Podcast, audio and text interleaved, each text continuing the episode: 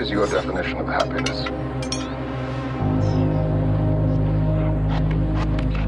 A clear horizon. Nothing to worry about on your plate. Only things that are creative and not destructive.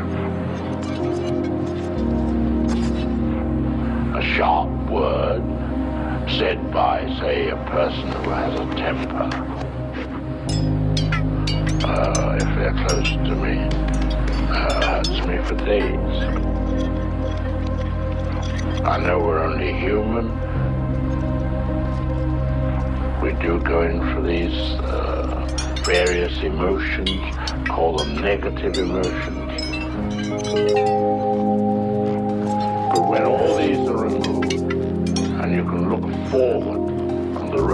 Clear ahead, and now you're going to create something. I think that's as happy as I would ever want to